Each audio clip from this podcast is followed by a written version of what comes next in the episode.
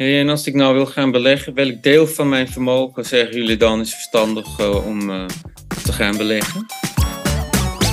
Dat is weer afhankelijk toch van, van het doel waar jij, waarom jij wil beleggen. Hmm. Het doel waarmee je wil beleggen. Uh, je leeftijd, je totale vermogenspositie. Ja. Maar ja, als je ervan uitgaat dat het geld is wat je voor langere tijd kan missen. Ja. Ja, um, als je jong bent, zou, zou ik zeggen 100%. Ja. Danny?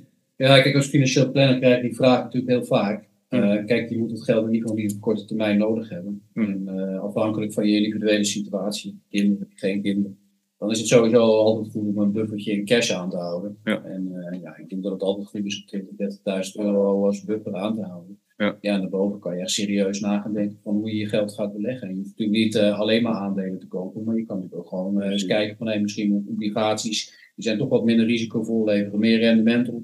Uh, de spaarrente stijgen weer, misschien moet ik een deposito openen om daar mijn geld te storten. Dus op basis daarvan ga je een beetje kijken wat past er nou bij die individuele situatie.